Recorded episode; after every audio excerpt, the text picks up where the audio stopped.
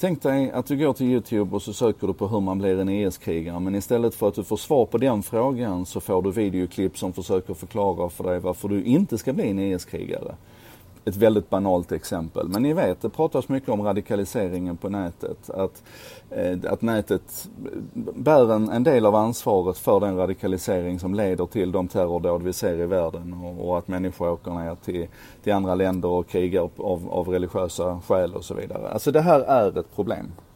Eh, Youtube, Google, Facebook, Twitter, alla de stora har förbundit sig att försöka ta ansvar för det här nu precis på samma sätt som man gjorde i arbetet mot barnporr för ett antal år sedan och, och ganska framgångsrikt faktiskt.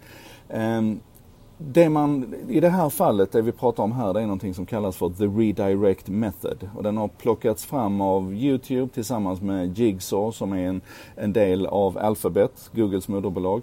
Och ett företag i, i London som heter Moonshot CVE, det står för Countering Violent Extremism.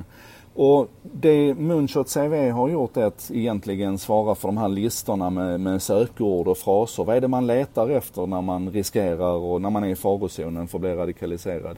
Jigsaw har byggt algoritmerna och Youtube har tagit det här nu och implementerat det på sin plattform, sin videoplattform.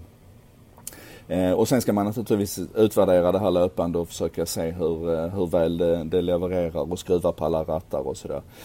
Och det här är ett spännande exempel på hur man, hur man aktivt jobbar idag. Ehm, och, och det här är bra.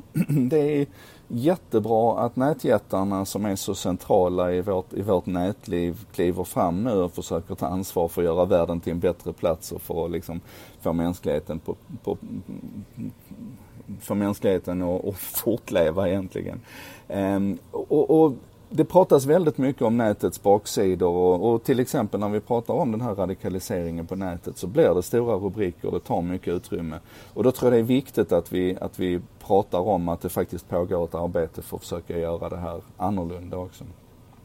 Men det är viktigt av ett annat skäl också och, och det är att om vi tänker oss ehm, Eh, ni kommer säkert ihåg Himmelska fridens torg. Eh, den här massakern på Himmelska fridens torg. Och då var det rätt mycket uppmärksamhet ett tag, ett tag om att man, man kunde konstatera att om du, om du i, i Kina gick in, när, när Google funkade i Kina, när du gick in och sökte på, på Himmelska fridens torg där så fick du bara se bilder på ett väldigt fridfullt torg. Medan när du i resten av världen gick in och sökte på Himmelska fridens torg så, så fick du se bilderna ifrån den här mannen som la, la sig framför, eh, framför eh, den här stridsvagnen. Och, och, man fick helt olika bilder av det här. Och, och så är det. Eh, vi lever idag i en, i en global värld med ett globalt internet men vi har fortfarande en massa nationell och regional kontroll över innehållet. Eh, det här har man sett ganska tydligt på senare tid där, där nationella domstolar går in och ställer krav på att Google eller Facebook ska göra på ett visst sätt, att visst material måste plockas bort.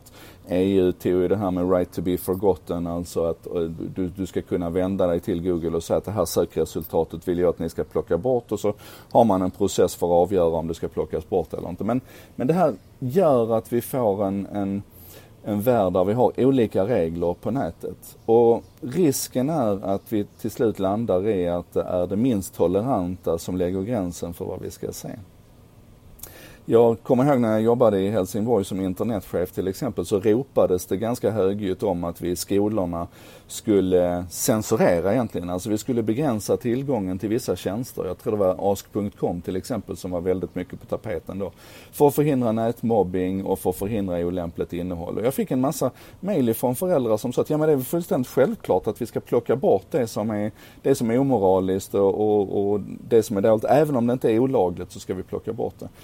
Om man då tittar på en mångkulturell klass där vi har elever ifrån hela världen så kan vi enkelt konstatera att, att om, man, om man tar de, de kulturella värderingarna som finns där så skulle vi i praktiken behöva plocka bort allt. Är ni med på hur jag menar? Och det här är ett problem.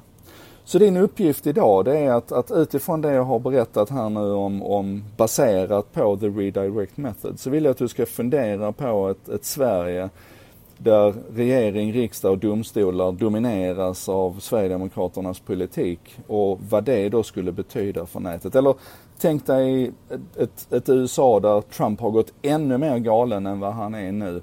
Vad det kommer att påverka. Eller för att alla ska kunna vara med och leka. Tänk dig att Kim Jong-Un, Nordkoreas diktator, styr i Sverige på samma sätt som man gör i Nordkorea.